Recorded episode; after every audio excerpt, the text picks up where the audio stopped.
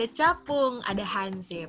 Hai Bung Nona Visip, selamat datang dan selamat bergabung di podcast Aspoling kelompok 54. Bersama gue, Riva yang tentunya gak sendiri nih. Gue ditemenin sama teman-teman gue, ada Nandita, Albert, dan juga Fajri yang bakal nemenin kalian selama 10 menit ke depan.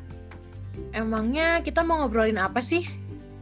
Nah, jadi kita bakal ngobrolin hal yang apa ya, relatable kali ya, yang biasanya dirasain sama kita nih para pelajar dan mahasiswa yaitu terkait isu mental health.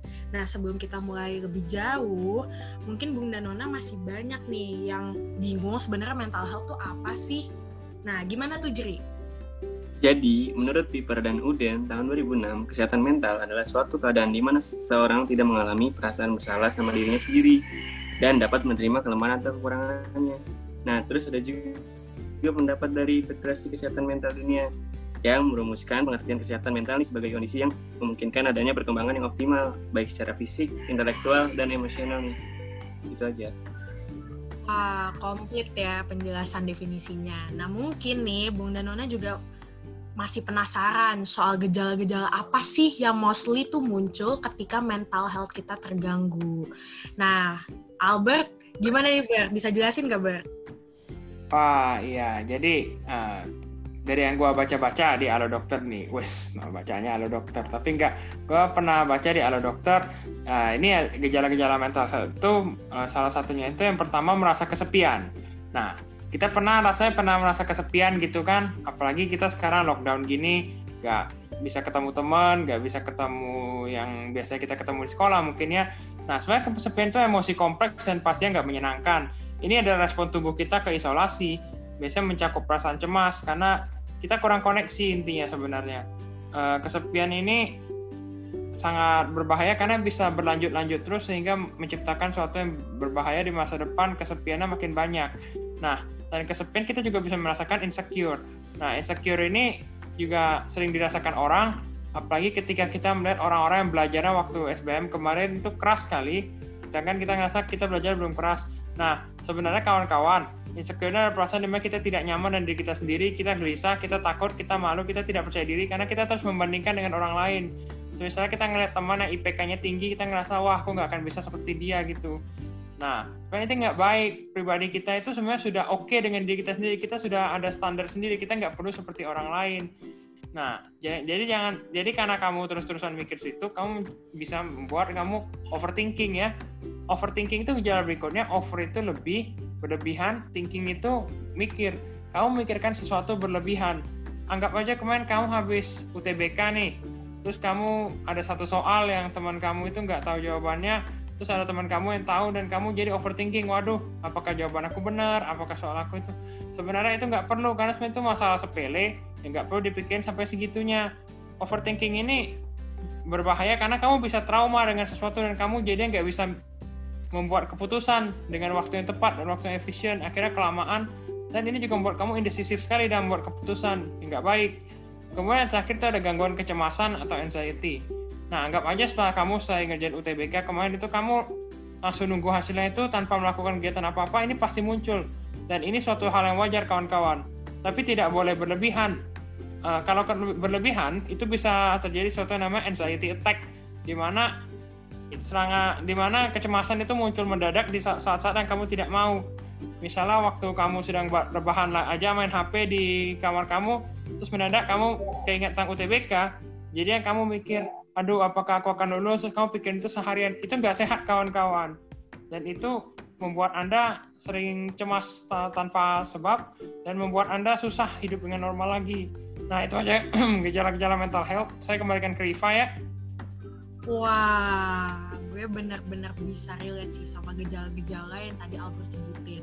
Dan pasti teman-teman pendengar, Bunda Nona pun merasakan hal yang sama. Tapi, tapi, tapi, perlu nih digaris bawahin ya Bunda Nona untuk jangan self diagnose. Kalau misalnya Bung Danona merasakan hal-hal yang seperti tadi Albert jelaskan, ada baiknya untuk berkonsultasi ke psikolog biar dapat titik temu yang jelas. Nah, oke, okay. kita udah tahu nih gejala-gejala yang common banget ketika gejala mental health kita nih terganggu. Nah pasti setiap masalah tuh pasti ada solusinya, bener kan? Nah kira-kira tips apa aja sih yang bisa kita lakukan ketika kita tuh ngerasa hal-hal yang tadi disebutkan tuh melanda kita? Gimana nih Nandi? Tipsnya apa aja nih? Iya, oke Riva. Pasti tiap masalah ada cara untuk mengatasinya nah ya. Nah, ini kali ini nih gue mau ngasih tips tentang mengatasi masalah kesehatan mental ini. Yang pertama, biasanya kalian tuh jangan pendem sendiri. Kalau bisa ya, kalau kalian emang pengen terbuka, kalian pengen cerita, kalian boleh banget sharing ke keluarga atau ke teman atau bahkan ke pacar kalian. Pokoknya kalian bisa cerita ke orang-orang yang kalian udah percayain banget, terus kalian nyaman cerita ke mereka. Terus di tips yang yang kedua yaitu kalian bisa uh, spending time sama keluarga atau teman. Kalian bisa cari hiburan bareng kayak misalkan kalian bisa staycation bareng keluarga atau kalian bisa video call bareng teman nonton film online bareng. Atau kalian pokoknya ngobrol sama teman-teman. Biasanya kalau udah ketemu teman itu kan bakalan ketawa-ketawa. Itu buat kayak masalah tuh hilang aja gitu. Terus di tips yang ketiga itu ada kalian bisa lakuin hal-hal yang bikin kalian seneng banget. Contohnya nih kalian bisa buka sosial media kayak Instagram atau TikTok kan. Biasanya di TikTok tuh um, banyak banget hal-hal yang bikin seru nih. Ada humor, ada tentang tips-tips, ada lagu, cerita-cerita gitu kan. Atau kalian seneng baca Twitter nih, cari informasi di Twitter. Atau kalian bisa lakuin olahraga di rumah karena biasanya setelah olahraga kalian tuh jadi fresh gitu. Terus di tips yang keempat ada istirahat dan meditasi biasanya nih kalau kita udah bingung mau ngapain nih lagi sedih biasanya itu yang kita lakuin tuh nangis abis nangis tuh mata sakit kan mata sakit badan tuh kayak capek gitu nah biasanya kita memilih untuk tidur setelah bangun tidur biasanya itu kayak lebih tenang, udah bisa menerima keadaan, kayak masalah tuh perlahan-perlahan um, bisa diselesaikan gitu. Nah itu sih tips dari gue. Kalau teman-teman lain ada tips lain gak nih kalau untuk mengatasi masalah ini? Wah, gue sih sejujurnya ya, ini bukan tips. Tapi gue bisa merasakan sih kalau misalnya gue lagi sedih, lagi galau deh misalnya. Gue pasti pelarian gue adalah nonton TikTok atau YouTube buat nyari mood booster. Nah, mungkin teman-teman lain ada nih cerita-cerita. Gimana? Mungkin Fajri bisa jelasin? Kalau gue sih biasanya mendekatkan diri pada Tuhan ya. Kalau gue gunain waktu gue buat beribadah, yang bisa membuat hati dan pikiran gue juga tenang nih. Desi gitu aja. Keren keren. Terus kalau misalnya Albert gimana, Ber?